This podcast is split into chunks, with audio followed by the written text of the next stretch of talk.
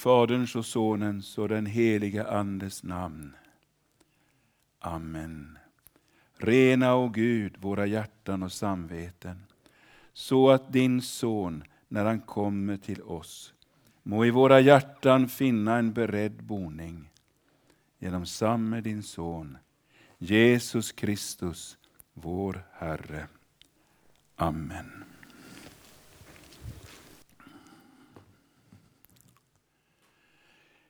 Bär varandras bördor så uppfyller ni Kristi lag.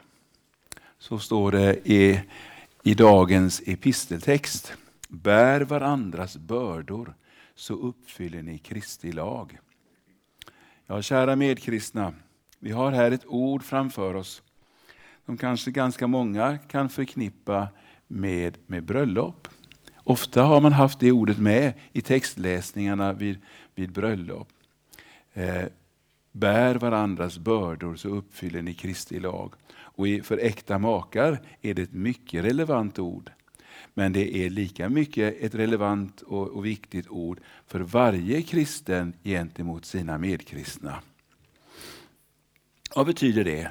Att bära varandras bördor. Bördor handlar om de svårigheter som min medkristen i Guds församling kan ha och de svagheter och synder som han kan vara behäftad med. Bär varandras bördor. Det handlar alltså inte om min egen börda, just detta, även om vi kan ha och har verkligen en egen börda.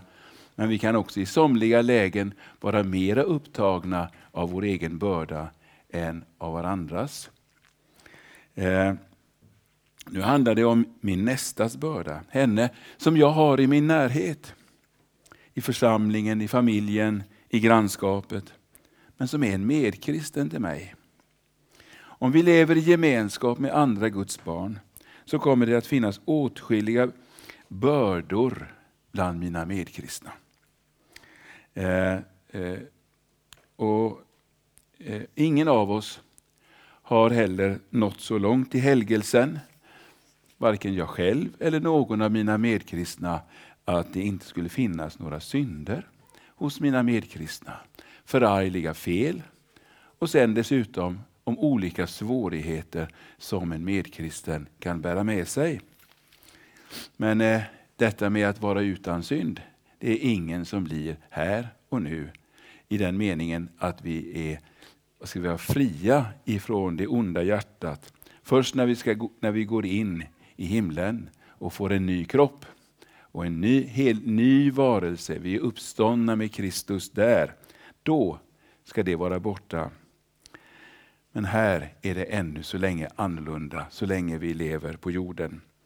Att det finns många fel bland de andra betyder att jag har ganska mycket att förlåta andra.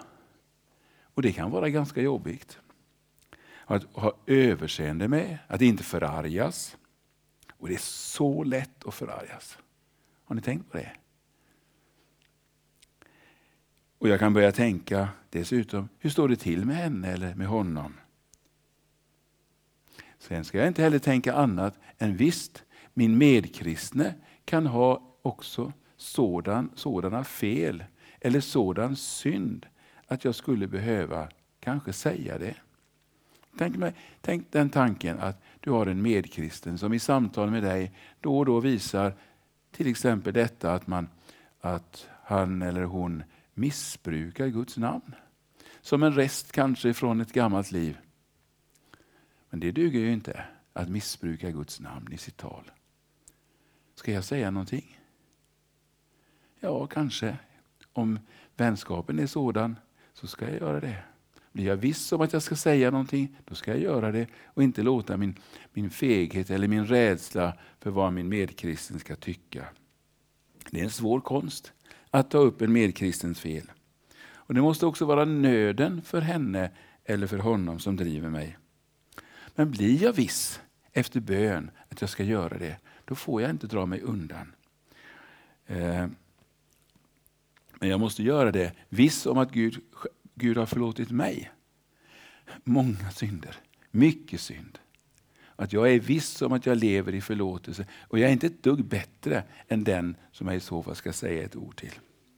Men det finns också förargliga fel som man förstår att det inte precis handlar om synd, men om sånt som jag kanske i första hand bara irriterar mig på, men som inte jag ska kanske göra någon sak av det på något vis.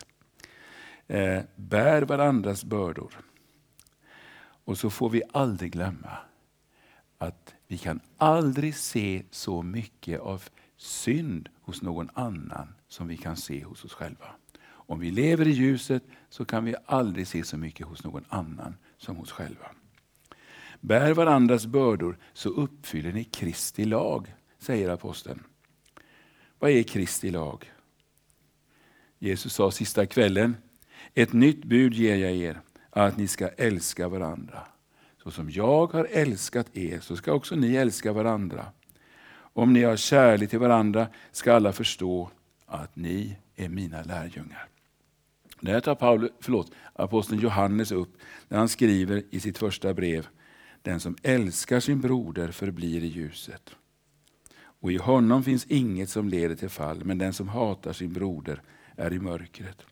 Och Johannes kan också säga att vi vet att vi har övergått från döden till livet, ty vi älskar bröderna. Brödrakärleken är ett signum på Guds folk. Och Den kärleken tar sig också bland annat uttryck i att vi bär varandras bördor. Eh, och Som också kan då handla om att trösta bröder och systrar i sorger, att hjälpa, räcka ut handen på det sätt som han eller hon behöver. Att förlåta, överse, också i några fall kanske tillrättavisa. Särskilt den som är lite äldre, att tillrättavisa den som är lite yngre. Kanske att du, när du hör detta, blir påmind om sådant som inte blivit som det borde vara. Där du har brustit i kärleken, du har förgått dig, du vet att du inte bar din broders börda. Du ondgjorde dig kanske, du sa något lite beskt eller såg med förargade ögon på honom. Eller du vet att du i feghet inte vågade säga det som du visste att du borde säga i en stilla förmaning. Men du lät bli för att inte stöta dig. Låt nu inte detta bara vara. Ta med det nu i syndabekännelsen, syndabekännelsen som vi ska få avlägga här.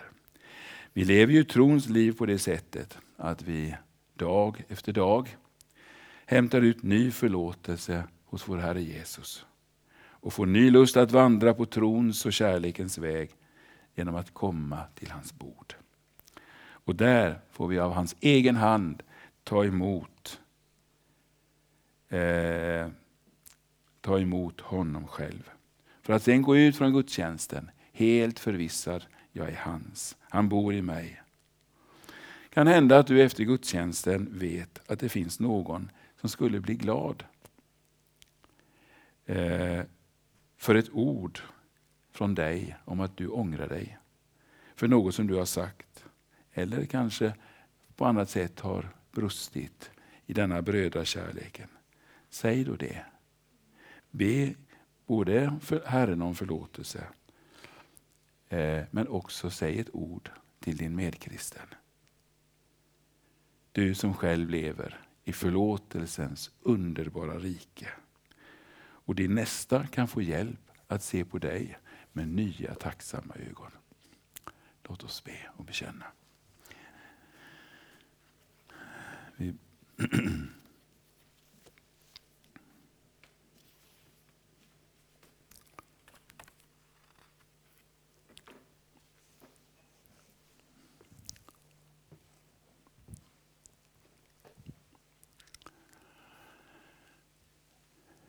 Jag bekänner inför dig, helige Gud, att jag ofta och på många sätt har syndat med tankar, ord och gärningar. Tänk på mig i barmhärtighet. Förlåt mig för Jesu Kristi skull vad jag har brutit. Herre, hör nu varje hjärtas tysta bekännelse.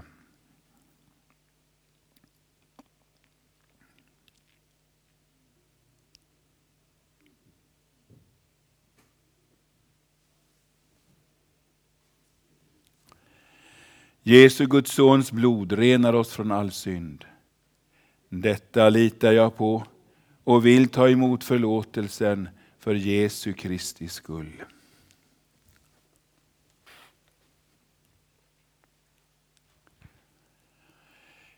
Begär du dina synders förlåtelse för Jesu Kristi skull, så är det också i kraft av Guds ord och löfte fast och visst att Gud av nåd förlåter dig alla synder. Och denna dina synders förlåtelse tillsäger jag dig på vår Herres Jesu Kristi befallning i Faderns och Sonens och den helige Andes namn. Amen. Käre Fader i himmelen, vi tackar dig för syndernas förlåtelse genom Jesus Kristus, vår Herre. Amen. Helige Herre Gud, helige starke Gud, helige barmhärtige frälsare, du evige Gud, förbarma dig över oss.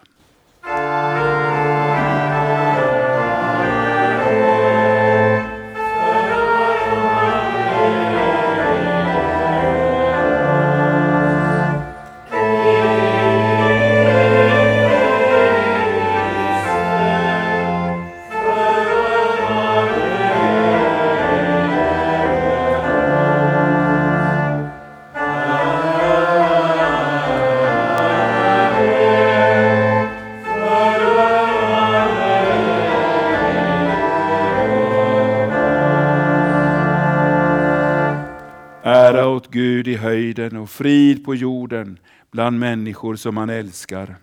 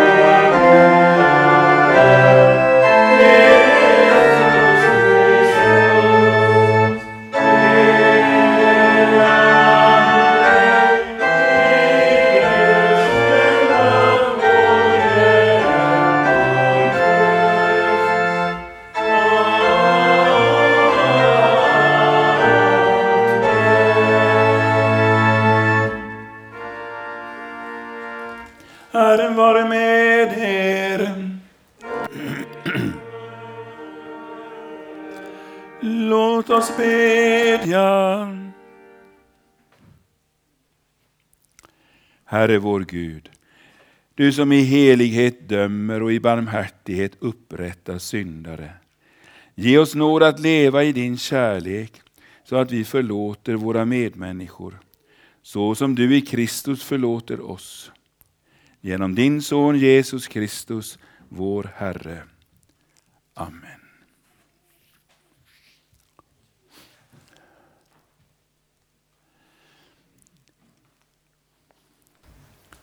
Vi lyssnar så till den här dagens eh, gammaltestamentliga text och därefter episten.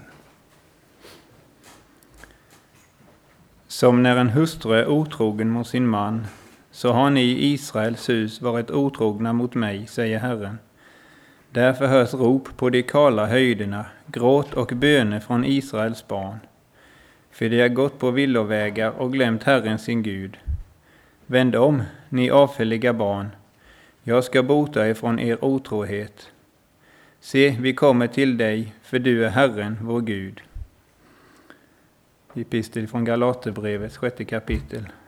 Bröder, om någon skulle ertappas med en överträdelse, då ska ni som är andliga människor med mild ande upprätta honom, men se till att inte du också blir frestad. Bär varandras bördor, så uppfyller ni Kristi lag. Den som tycker sig vara något, något fast han ingenting är, han bedrar sig själv. Var och en ska pröva sin egen gärning, då kan han ha sin stolthet för sig själv och inte jämföra sig med andra. Var och en ska bära sin egen ryggsäck. Så lyder Herrens ord. Gud, vi tackar dig.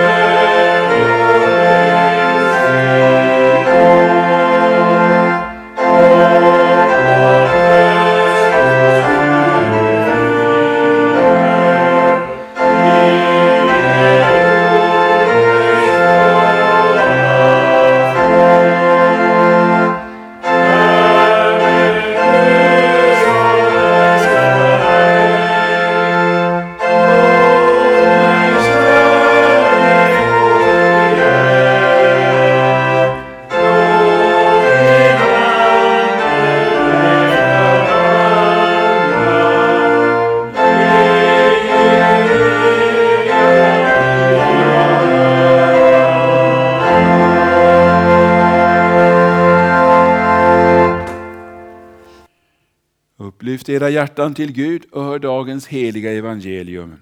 Så skriver evangelisten Lukas i det trettonde kapitlet. Några kom och berättade för Jesus om Galileernas om, förlåt, om Galileerna, vilkas blod Pilatus hade blandat med deras offer. Han svarade, tror ni att de Galileerna var större syndare än alla andra galileer eftersom de fick lida så?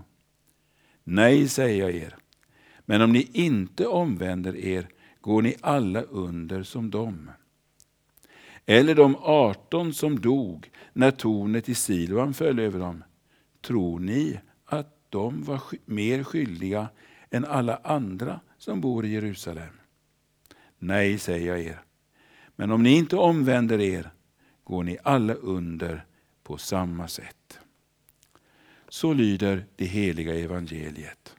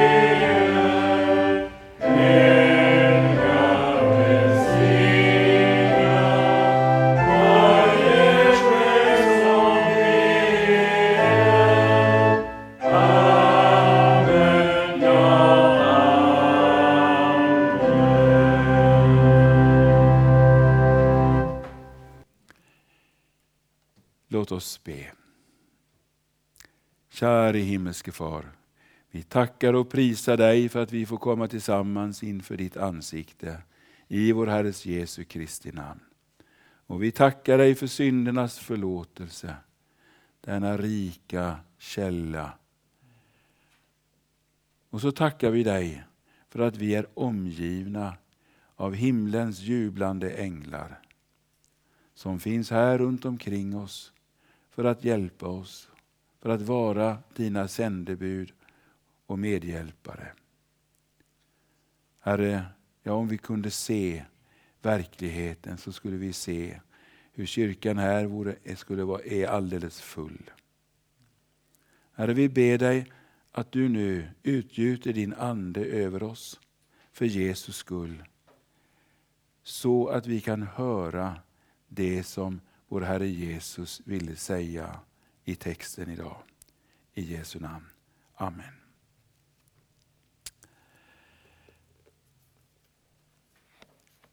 Innan jag går in i själva texten som gäller idag så eh, vill jag börja lite grann i avsnittet innan där Jesus talar till folket medan lärjungarna lyssnar och lär. För I det föregående kapitlet har Lukas berättat om hur stora skaror av människor har samlats. Ja, han talar till och med om tiotusentals människor som har mötts och sökt upp Jesus. Och Någonstans där det finns god akustik så börjar han tala till dessa människor. Han känner dem. Ja, han känner varenda människa, precis som han känner var och en av oss. Så kände han också alla de, de där tusentals människorna vad som var i deras hjärtan. Och Han vet dessutom att de allra, allra flesta är ganska skeptiska till Jesus. Eh, även om de för närvarande fascineras av de märkliga tecken och under han gör. Men så finns också hans lärjungar med och bland, och bland dem så finns också de tolv. Och nu är de här för att de ska lyssna och lära. Och inom några månader, bortom hans kors och uppståndelse och hans himmelsfärd och andens utgjutande, så ska de i sin tur vara hans sändebud. Men nu är de elever eller askultanter om man vill och får hjälp att tänka, eh, tänka om på både det ena och det andra området. Och just nu i förhållande till svåra olyckor och katastrofer på jorden. Eh, och I Jesus sällskap, när vi följer honom, så leder han oss ofta in till att tänka på, något, på ett annat sätt än vi ofta varit vana vid. Och stiger vi in i dagens evangelium och ser vad där står, så vänder Jesus upp och ner på en del tankar. Och vi kan också tänka ungefär så här, att dels talade Jesus till folket och dels så hade han sina lärjungar som åhörare. De som hade vänt om och hade fått Jesus till vän och kände honom. De hade varit lärjungar hos Johannes döparen och de hade lyssnat till honom. Och Johannes hade visat dem vad de skulle göra. Jo, de skulle följa Jesus, om vilken han hade sagt, se Guds lamm som bär bort världens synd. Och så hade de börjat följa honom. Och de hade omvänt sig till Jesus. Även om det ännu ingenting var färdigt, men de hade, de hade fått Jesus kär. Och Jesus säger en gång om dem, så här eh, ett par månader senare, att ni är de som har, har blivit kvar hos mig och ni är mina vänner, säger han. Och så vill jag tala till er idag såsom till Jesu vänner. Eh, det kan vara så att det finns någon för vilken dagens evangelium har ett alldeles särskilt ärende. Men kanske det på ett annat sätt är så här att det som är textens ärende för dig är att du ska idag bli påmind om vilket allvar det är för människorna som du har runt omkring dig. Om du själv har blivit en Jesu vän, om du själv är en omvänd kristen, så är det frågan om de andra. När han som kom ifrån Jerusalem och berättade om det som hade hänt där, så höll alltså Jesus på att undervisa om hur avgörande det är att förstå tidens tecken och låta sig försonas med Gud.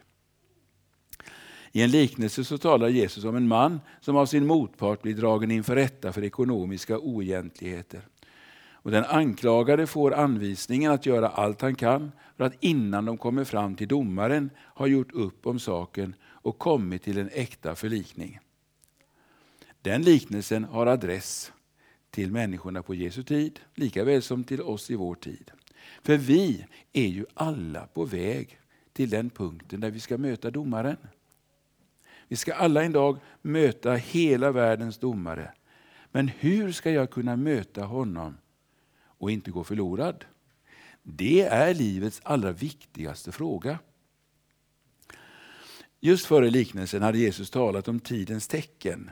Ni förstår att tyda vädertecken och räkna ut vad det blir för väder. När ni ser hur molnen ser ut idag så vet ni hur det blir imorgon. Eh, och, men, säger han, ni förstår inte att tyda tidens tecken. För ni förstår inte, ni ser inte, fastän ni ändå har ögon att se och ser det, de tecken och under som sker. Så ser ni inte att Messias har kommit. att den messianska tiden är inne, att Guds rike har kommit. För den utlovade frälsaren är mitt i, ibland er. Och nu har vi fått dagens evangelium till hjälp att göra oss redo att komma till visshet om att vi är bland dem som är färdiga för att en dag få i, i domen höra Herren på tronen hälsa oss välkomna in i den stora festsalen på den nya jorden. Då kom rapport från Jerusalem, står det. Vi ser framför oss den stora åhörarskaran någonstans i Galileen och får nu veta att några som nyss har varit, varit i Jerusalem kommer in liksom på scenen med för, förskräckliga nyheter. Landshövdingen Pilatus där nere i Jerusalem, eller de sa nog där uppe, har nu låtit utföra en av sina groteska grymheter. Låtit några av sina soldater döda några offrande galileer eh, i templet, blanda deras blod med offerdjurets blod. Ytterligt groteskt. Kanske att de som kom med rapporten hade förväntat sig att få höra Jesus ge en kommentar om Pilatus och hur Guds dom ska bli över honom och hans hemskheter. Och En sådan dom skulle nog komma, men det var inte det saken handlade om nu. Eh, kanske man tänkte att om Jesus verkligen är Messias så måste han väl snart visa hur landet ska befrias från denna hemska ockupation. Men Jesus hade något helt annat att säga. Han som känner allas hjärtan visste vad folket där i allmänhet tänkte. Och därför hör vi Jesus säga, menar ni att dessa galileer var större syndare än alla andra galileer eftersom de fick utstå sådant? Han lämnade alltså den fråga som de egentligen nog hade med sig. Men så här tänkte säkert många, de var större syndare. Därför att det gick så för dem. Om en människa drabbas av något sånt så måste det vara på något sätt ett Guds straff för ett särskilt syndigt liv. Och så kan den tänka som har fått förstå att Gud är en helig Gud. Men ändå kommer det fel. Det gällde inte bara om man blev utsatt nu för människors grymhet utan också om en förfärlig olycka drabbade människor. Och Jesus lyfter fram ett sådant exempel. Eh, som naturligtvis alla visste om, om katastrofen som ägt rum i Jerusalem i närheten av Siloadammen. Ett torn eller tornbygge hade rasat med väldiga konsekvenser. 18 människor hade omkommit och Jesus visste vad de tänkte. Nej, säger Jesus. De var inte större syndare. Jesus säger nej två gånger i vår text. Och två gånger hör vi honom säga jag säger er. Och två gånger säger han, om ni inte omvänder er ska ni alla förgås på liknande sätt. Detta är textens allvarliga centrum. Om ni inte omvänder er ska ni alla förgås på samma sätt. Det är sagt två gånger och du ska lägga märke till att Jesus betonar det på det sättet. Paulus skriver i Romarbrevet 3 att alla har vi syndat. Alla är vi i avsaknad av rättfärdigheten inför Gud. Det finns ingen skillnad. Alla har syndat, alla saknar härligheten från Gud, säger han. Vi är alla Adams barn och alla har vi hjärtan fyllda med orenhet i botten. Om någon av oss skulle tänka att människorna i Ukraina är drabbade av deras, denna hemska olycka, den ryska invasionen, därför att de har särskilda synder på sina samveten, då tänker vi helt fel. Jag är inte säker på att ni tänker så, men jag vet människor som tänker så. Är ukrainarna större syndare än vi svenskar? Nej, är Jesus svar. Nej, säger jag er. Men om ni inte omvänder er ska ni alla förgås på liknande sätt. Jesu ord om det som skulle drabba invånarna i Jerusalem, det gick i bokstavlig uppfyllelse när den romerska hären under Titus ledning ödelade Jerusalem år 70. I en ohygglig katastrof omkom över en miljon judar. Eh, Josefus skildrar denna händelse och han beskriver den som något helt förfärligt. Belägringen hade börjat fyra år tidigare med anledning av en judisk revolt. Då lyckades inte den romerska hären eh, eh, inta Jerusalem utan fick dra sig tillbaka och reorganisera sig. Men under den tiden så kunde de kristna i Jerusalem fly. Eh, för man kom ihåg vad Jesus hade sagt, att när ni ser Jerusalem omringas av herrar, då ska ni veta att staden snart ska bli ödelagd. Och då måste de som bor i Judeen fly bort till bergen och de som bor inne i staden måste lämna den. Folk trodde att om de liksom drog in i Jerusalem så skulle de vara trygga där. Men det var precis tvärtom. Det berättas att inte en enda av de kristna, de flesta var kristna judar, att inte en enda omkom. Alla blev räddade. Men så är detta också en, en skuggbild av den kommande stora katastrofen. När denna världen går under genom Guds eget ingripande. Då han också ska samtidigt skapa nya himlar och en ny jord. Alla olyckor och katastrofer på jorden har på något sätt ett gemensamt ärende. De finns på något sätt i Guds hand. Och så har han gömt ett budskap till oss i dem. Om ni inte omvänder er ska ni alla förgås på liknande sätt. För några decennier sedan så fanns det en domprost i Växjö som heter Gustav Adolf Danell. Han har i en predikosamling med eh, predikan för varje söndag på året och över alla årgångarna. Och över den här texten så har han en predikan som heter Katastrofernas budskap. Eh, och en predikan som är väl värd att läsa. Alla katastrofer har samma ärende till oss.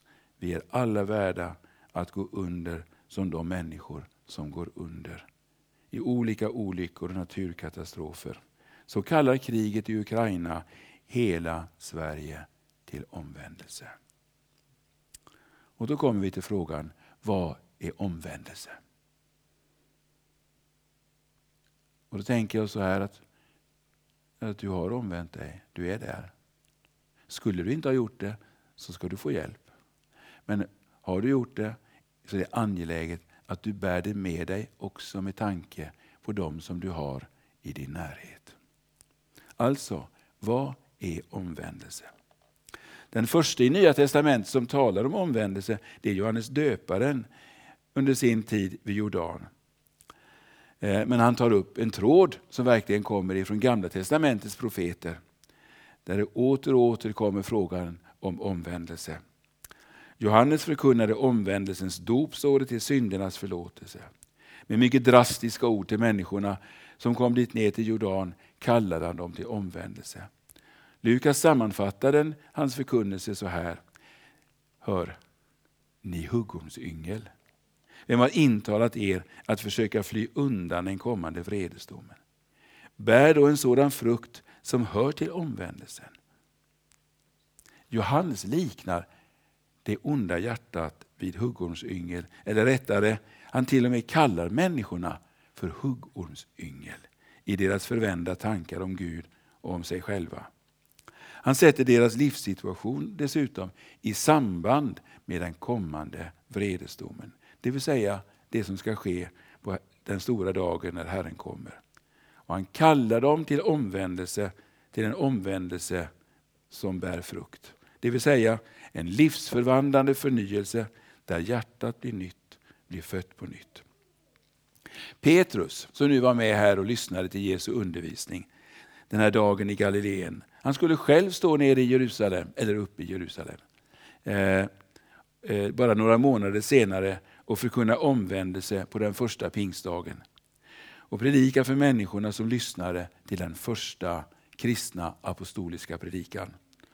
Till dem som hade fått ett styng i sina hjärtan av den förkunnelsen, ni korsfäste Messias. Och Det hade huggit liksom till i deras hjärtan. Så sa han, omvänd er och låt er alla döpas i Jesu Kristi namn, så att era synder blir förlåtna. Då ska ni få den helige Ande som gåva. Omvändelsen är på en gång en människas svar och ett andens verk. Ett svar på Guds tilltal. Jag hör Herrens röst, Herrens dom över mitt liv, min synd, mitt liv borta från Gud. Men jag slår inte dövörat till. Jag går med på det, jag hör och förstår att om inte Gud ger mig nåd och förlåtelse så går jag under, då går jag förlorad. Men i omvändelsen så kommer jag till honom. Jag kommer till Herren Jesus. Jag kommer till honom med min synd, hela mitt usla liv, utan att försöka överskyla något. Jag kommer med allt vad det än har för namn. Till honom som står där med uträckta armar och säger kom. Han har, och hans händer är genomborrade. Det är han som står där. Jag kommer till honom som tar emot syndare och äter med dem. Ja, han som tar emot var och en som kommer till honom med bön om nåd, med rop om förlåtelse och förbarmade. De, han tar emot dem. Det får se ut hur som helst i mitt liv i detta ögonblick. Men skulle det vara så att du just nu måste säga, jag kommer Herre, så får det se ut precis som du vill. Ja, du får komma som den förlorade sonen. Det var nog ingen vacker syn, den där förlorade sonen, när han kom hemtraskande. På samma sätt som Fadern skyndade emot honom och föll honom i halsen, så tar Jesus emot dig när du kommer. Då är du mitt inne i omvändelsen. Då sker omvändelsen. Om du inte är döpt så måste du låta dig döpas omedelbart. Och Då tar Jesus dig in i sitt rike, i förlåtelsens rike. Men är du döpt, men kanske har levat lite ute på marginalen, lite i närheten av Guds församling och ändå inte riktigt inne hos Jesus, så kom in. Kom tillbaka till honom. Han som i dopet lade händerna på dig och gav dig del i, i nådens, i Guds rikes och dess förlåtelse. Den som är döpt och lever, men levat borta från honom. Hans omvändelse är på ett visst sätt att komma tillbaka till sitt dop. För det är i dopet som vi förenas med Jesus. Och livet från honom med hela förlåtelsen och rättfärdigheten och den heliga Ande, det, det har vi fått i dopet, men vi tar emot det i tron. Och därför blir det att omvända sig är att komma tillbaka till Jesus, han som döpte mig en gång. Och på nytt tar du emot den fulla förlåtelsen för alla synder. Tänk att få vara en förlåten syndare. Förlåtelse och samvetsfrid är dessutom alltid förenat med anden.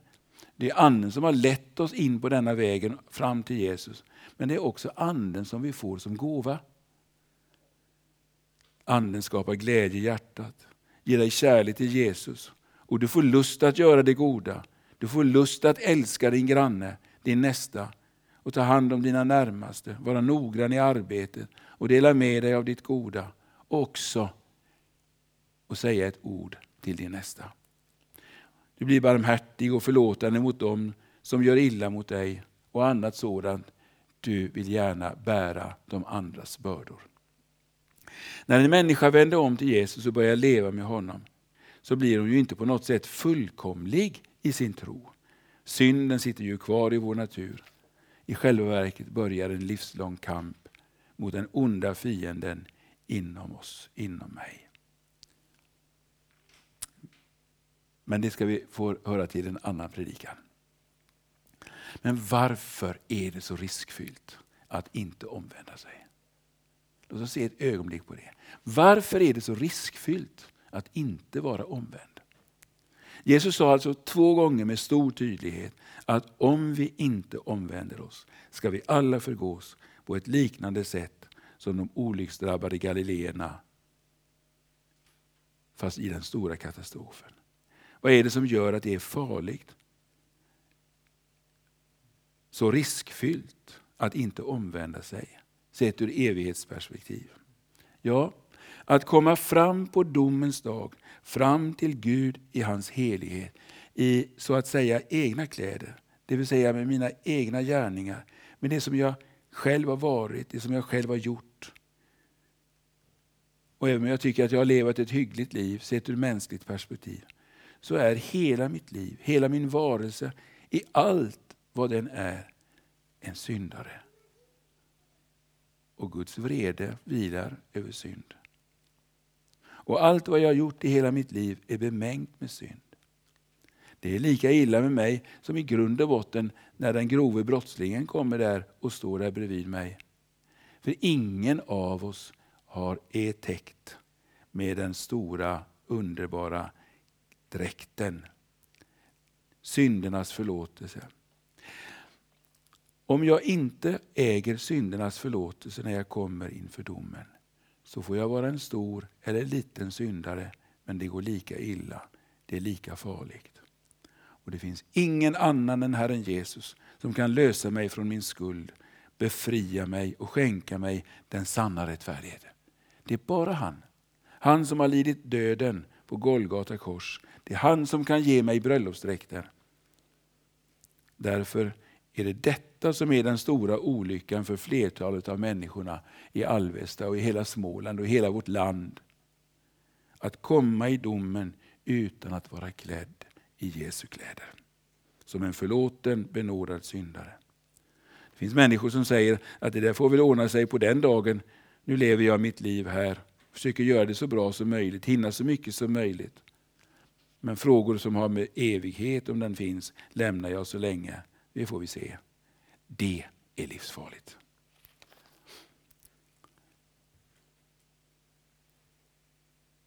Olyckan med, de stor, med den stora folkskaran som Jesus hade framför sig i tiotusental var att de aldrig ville liksom komma fram till Jesus. De ville inte komma till honom, in till honom, ta emot honom. Och det han sa.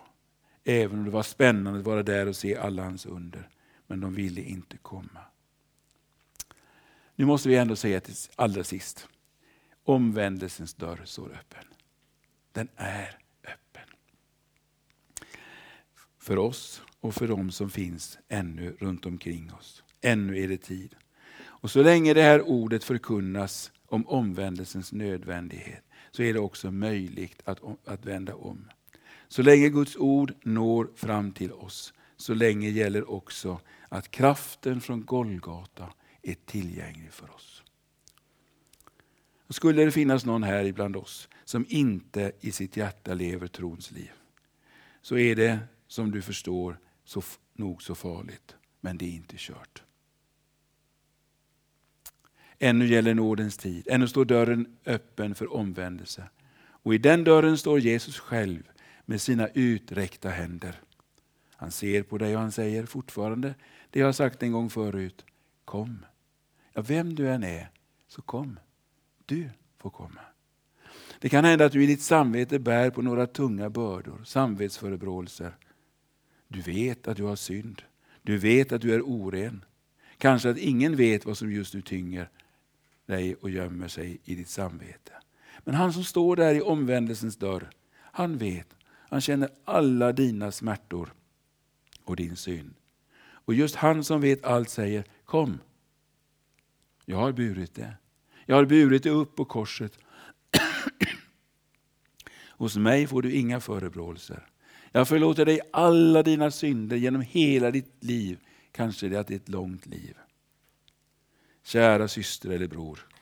I samma ögonblick som du säger till honom, Jesus, så här är det, och du börjar lägga fram din sak i all enkelhet för honom, så är du i hans famn.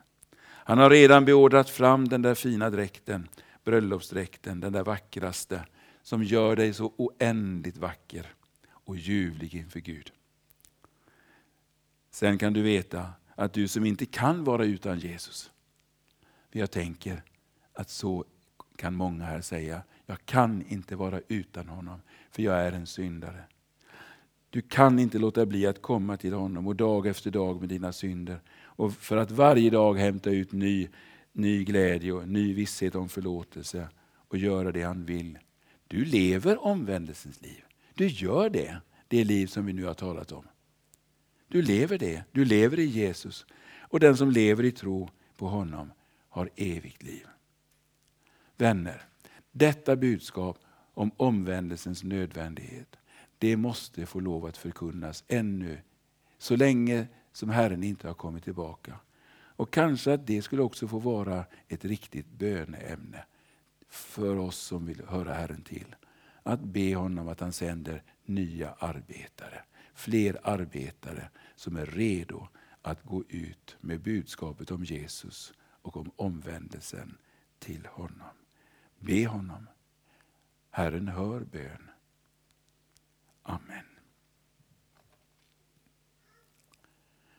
Herre, nu tackar och lovar vi dig för din stora godhet mot oss. Att du har talat med oss om omvändelse och ber att ingen enda av oss skulle stå utanför. Men också att vi skulle få nåd att vara vittnen där vi finns för att andra ska nås av omvändelsens budskap. Amen. Låt oss nu stå upp och tillsammans bekänna vår kristna tro.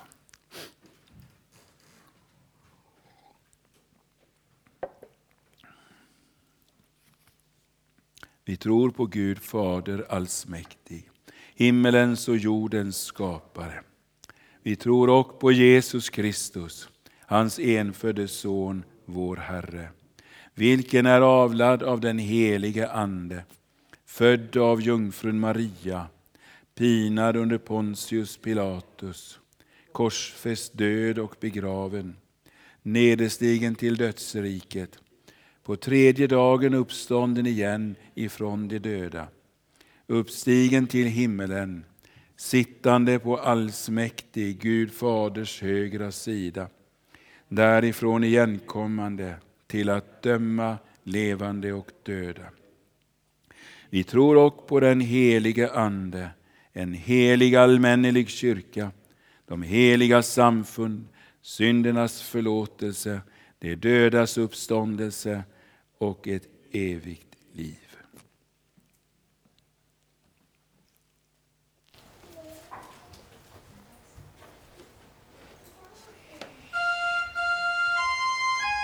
Música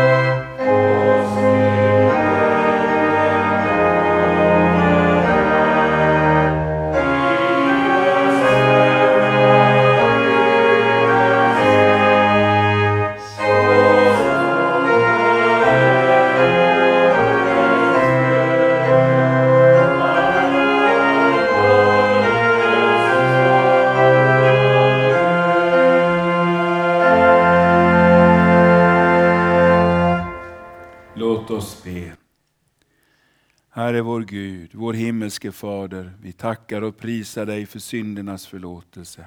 Och nu ber vi dig, styrk och led din kyrka och samla ditt folk kring ordet och sakramenten. Välsigna dem som du har satt att vara ordets tjänare. Sänd nya arbetare till din skörd och nya studenter till församlingsfakulteten. Låt ditt evangelium nå ut i hela världen och väcka levande tro. Särskilt ber vi dig för församlingsbygget i Tel Aviv. Ge dina vittnen kraft när de får lida för din skull. Tänk särskilt på de kristna i Nordkorea, i eh, Indonesien, i Somalia, i norra och södra Mexiko.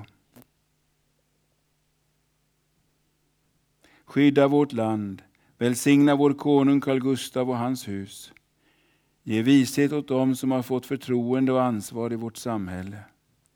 Välsigna allt rättskaffens arbete. Ge världen fred och rättvisa. Förbarma dig över den svåra situationen i Ukraina och i Ryssland. Ge oss dagligt bröd och stärk vår vilja att dela med oss åt dem som lider nöd. Låt våra hem präglas av sammanhållning, trygghet, kristen tro och gästvänlighet. Gör våra församlingar till hem där vi får mötas till gudstjänst och tillbedjan, undervisning och gemenskap. Kom Herre, till de sjuka, sörjande och ensamma. Särskilt ber vi för dem som vi nu tyst nämner inför dig.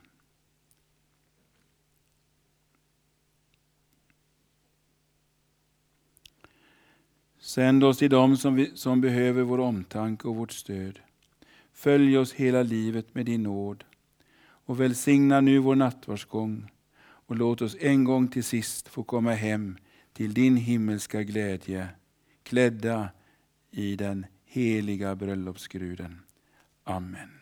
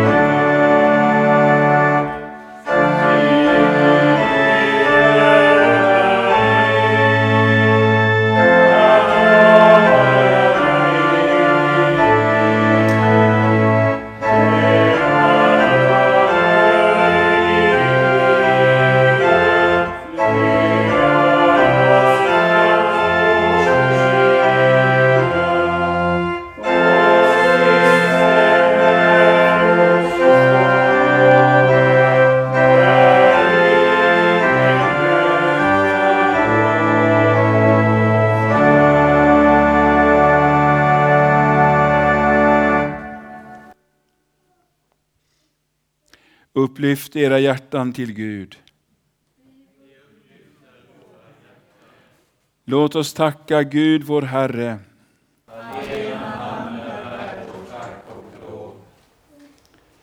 Ja, sannerligen du ensam är värd vårt lov, allsmäktige Fader, helige Gud. Dig vill vi prisa och välsigna genom Jesus Kristus, vår Herre. Du är en fader för oss människor. Du nämner oss alla vid namn och håller världen i dina händer. Ty därtill har du skapat oss och därför gav du oss livet, att vi skulle höra samman med dig och vara ditt folk på jorden. Därför vill vi med dina trogna i alla tider och med hela den himmelska härskaran prisa ditt namn och tillbedjande sjunga. Lovad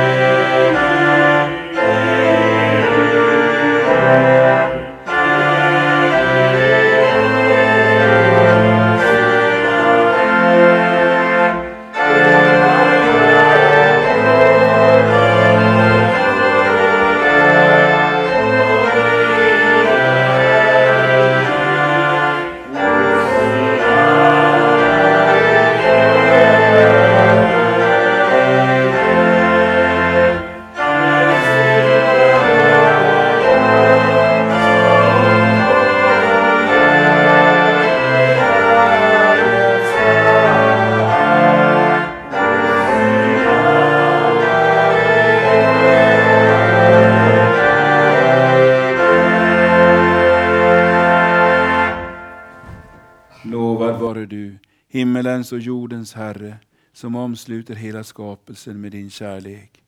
Vi tackar dig för den frälsning som du skänkt oss genom Jesus Kristus.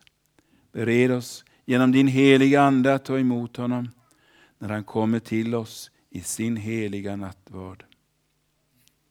I den natt då han blev förrådd tog han ett bröd, tackade, bröt det och gav åt lärjungarna och sade Tag och ät. Detta är min kropp som blir utgiven för er. Gör detta till min åminnelse.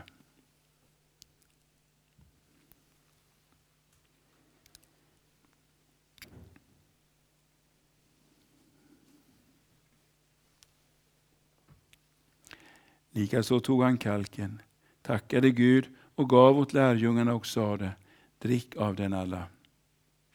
Denna kalk är det nya förbundet genom mitt blod som blir utgjutet för många till syndernas förlåtelse. Så ofta ni dricker av den, gör det till min åminnelse.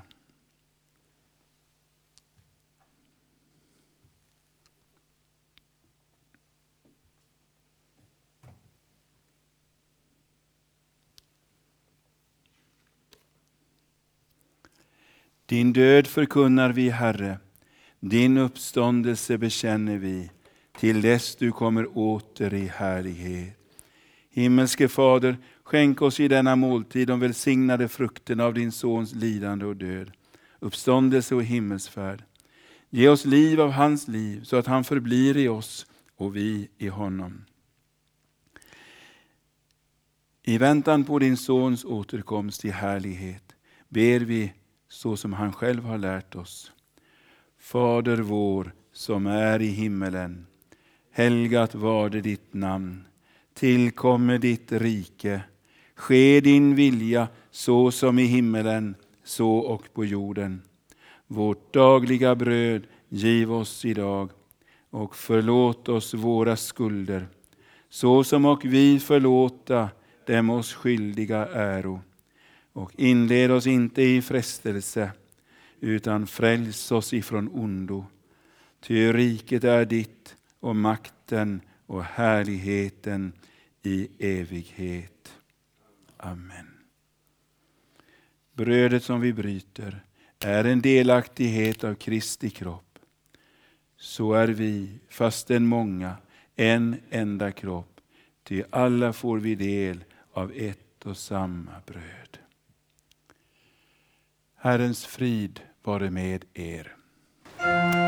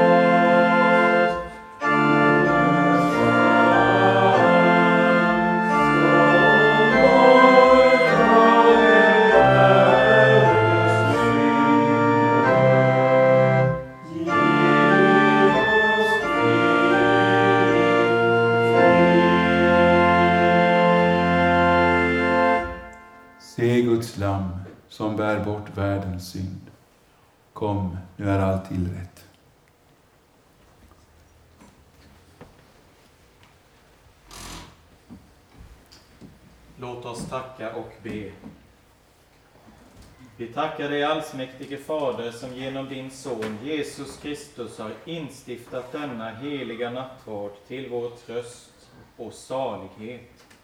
Vi ber dig ge oss nåd att så fira Jesu åminnelse här på jorden, att vi också får vara delaktiga av den stora nattvarden i himlen. Allt för vår Herres Jesu Kristi skull. Amen. Amen. Låt oss tacka och lova Herren.